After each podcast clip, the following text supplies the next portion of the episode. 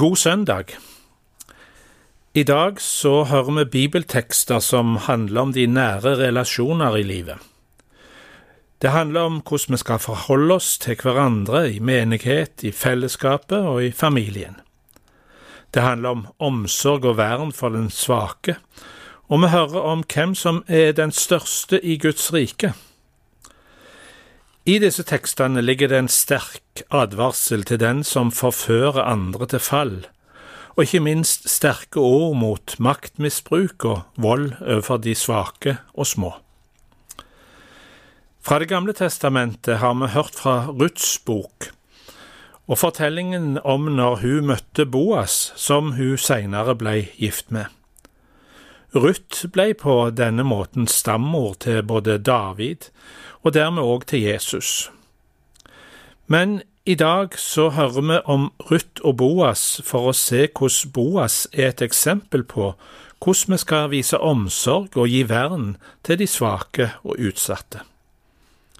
Han sørger for Ruth, som er ei fattig enke, at hun får sanka korn på hans åker, og gir klar beskjed til sine tjenere at ingen må utøve vold imot henne, hun skulle også gis mat og drikke på lik linje med tjenestefolket. Boas var en velstående mann, og han brukte av sine ressurser for å hjelpe andre. Vi lærer av han å gi og dele med andre, være raus slik Gud er raus, og som Gud gir oss alle sin nåde og rikdom. Heri ligger òg en sterk utfordring til å gi til arbeidet i Guds rike, slik at enda flere kan få del i de velsignelser og gaver som vi har fått ifra Gud. Gi, og gi med glede. Det er et godt prinsipp i Guds rike, og noe som alltid har fulgt Guds menighet på jord. Liv Nordhaug skriver om dette i en av sine salmer. Å Gud, du ber oss dele de gaver du har gitt, mens vi så ofte glemmer at alt vi fikk er ditt. Gud, gi oss nye øyne, Gud, gi oss nye sinn, Gud, løs du våre hender med kjærligheten din. Slik legger Gud på oss å vise omsorg og hjelpe de små og svake, og i dette er Jesus sjøl det store forbildet han som ga alt for å frelse oss. Vi har òg hørt lest ifra Efeserbrevet 6 om at barn skal være lydige mot sine foreldre, at foreldre skal gi omsorg og god oppdragelse og rettledning etter Herrens vilje. Dette er en god kommentar til det vi hører om i dagens evangelietekst i Matteus 18, 1–11. Nettopp da kom disiplene og spurte Jesus, Hvem er den største i himmelriket? Da kalte han til seg et lite barn, stilte det midt iblant dem og sa, Sannelig, jeg sier dere, uten at dere vender om og blir som barn, kommer dere ikke inn i himmelriket. Den som gjør seg selv liten som dette barnet, han er den største i himmelriket. Og den som tar imot et slikt lite barn i mitt navn, tar imot meg. Men den som lokker til fall en av disse små, som tror på meg, han var bedre tjent med å få en kvernstein hengt rundt halsen og bli senket i havets dyp. Ved denne verden som lokker til fall. Forførelsene må komme, men ved det mennesket de kommer fra. Om hånden eller foten din lokker deg til fall, så hogg den av og kast den fra deg, det er bedre for deg å gå lemlestet og halvt inn til livet enn å ha begge hender eller føtter og bli kastet i den evige ild. Og om ditt øye lokker deg til fall, så riv det ut og kast det fra deg. Det er bedre for deg å gå enøyd inn til livet enn å ha begge øyne og kastes i helvetes ild.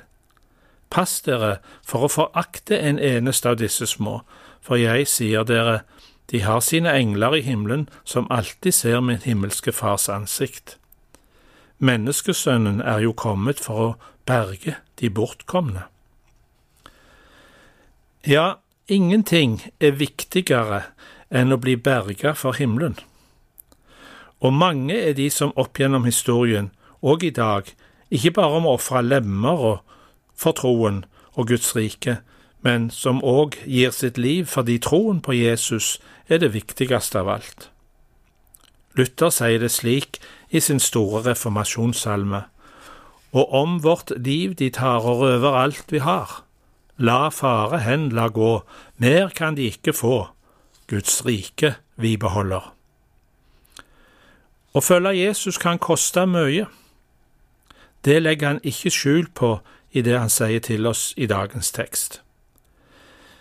Men det kan kanskje virke underlig at denne kraftige advarselen om frafall og forførelse kommer i svaret på et spørsmål som disiplene hadde diskutert. Hvem er størst i himmelriket? Sammenhengen forstår vi når vi legger merke til at det er et lite barn Jesus viser fram for å gi et svar på hvordan det er i Guds rike når det kommer til storhet og makt. Å lokke et slikt barn, som jo er blant de største i Guds rike, til fall, det er ei stor og alvorlig synd. For å unngå å falle i ei slik synd, eller i noen annen synd som kan føre til frafall og fortapelse, er ikke noe offer for stort. Synd er alvorlige greier, noe som får følger i liv og evighet. Det viste Jesus til fulle da han døde for våre synder, da han ga alt for å berge oss.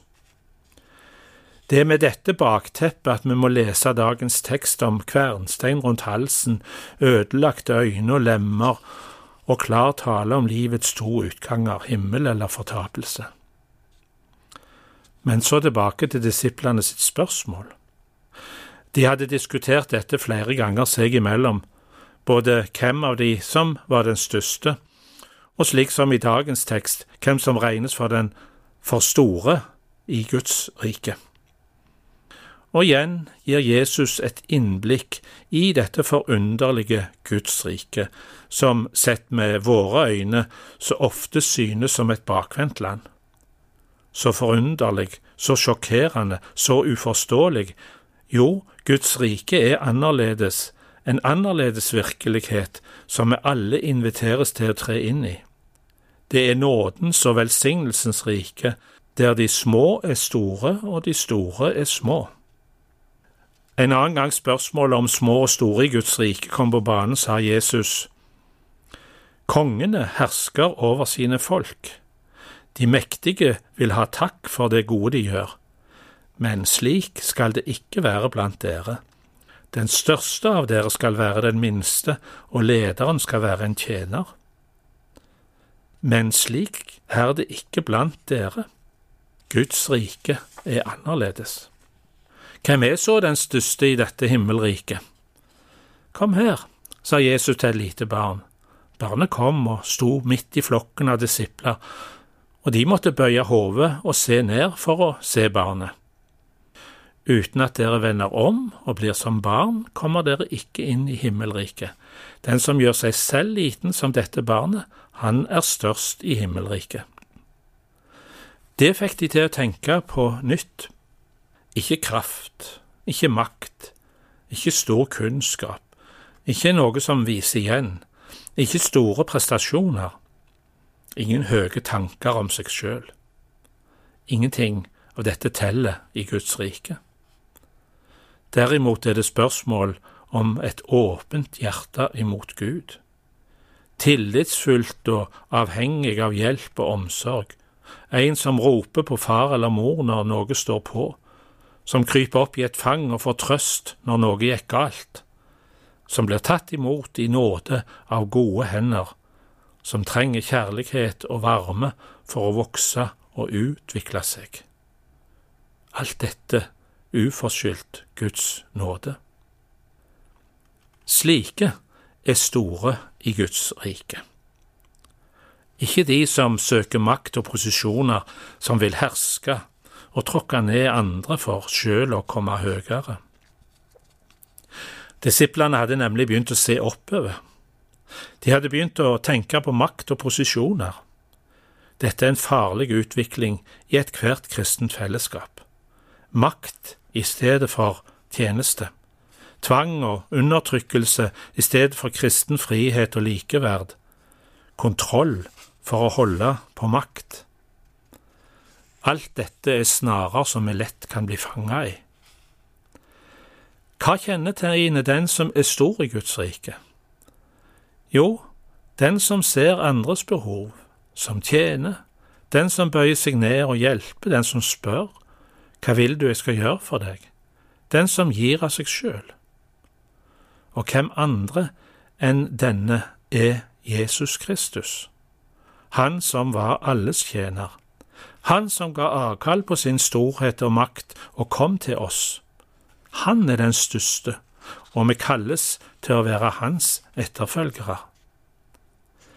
Han var i Guds skikkelse og så det ikke som et rov å være Gud lik, men ga avkall på sitt eget, tok på seg tjenerskikkelsen og ble mennesker lik. Da han sto fram som menneske, fornedret han seg selv og ble lydig til døden, ja, døden på korset. Derfor har også Gud opphøyd han til det høyeste og gitt ham navnet over alle navn i Jesu navn skal derfor hvert kne bøye seg i himmelen og på jorden og under jorden, og hver tunge skal bekjenne at Jesus Kristus er Herre til Gud Faders ære. Han er stor i Guds rike.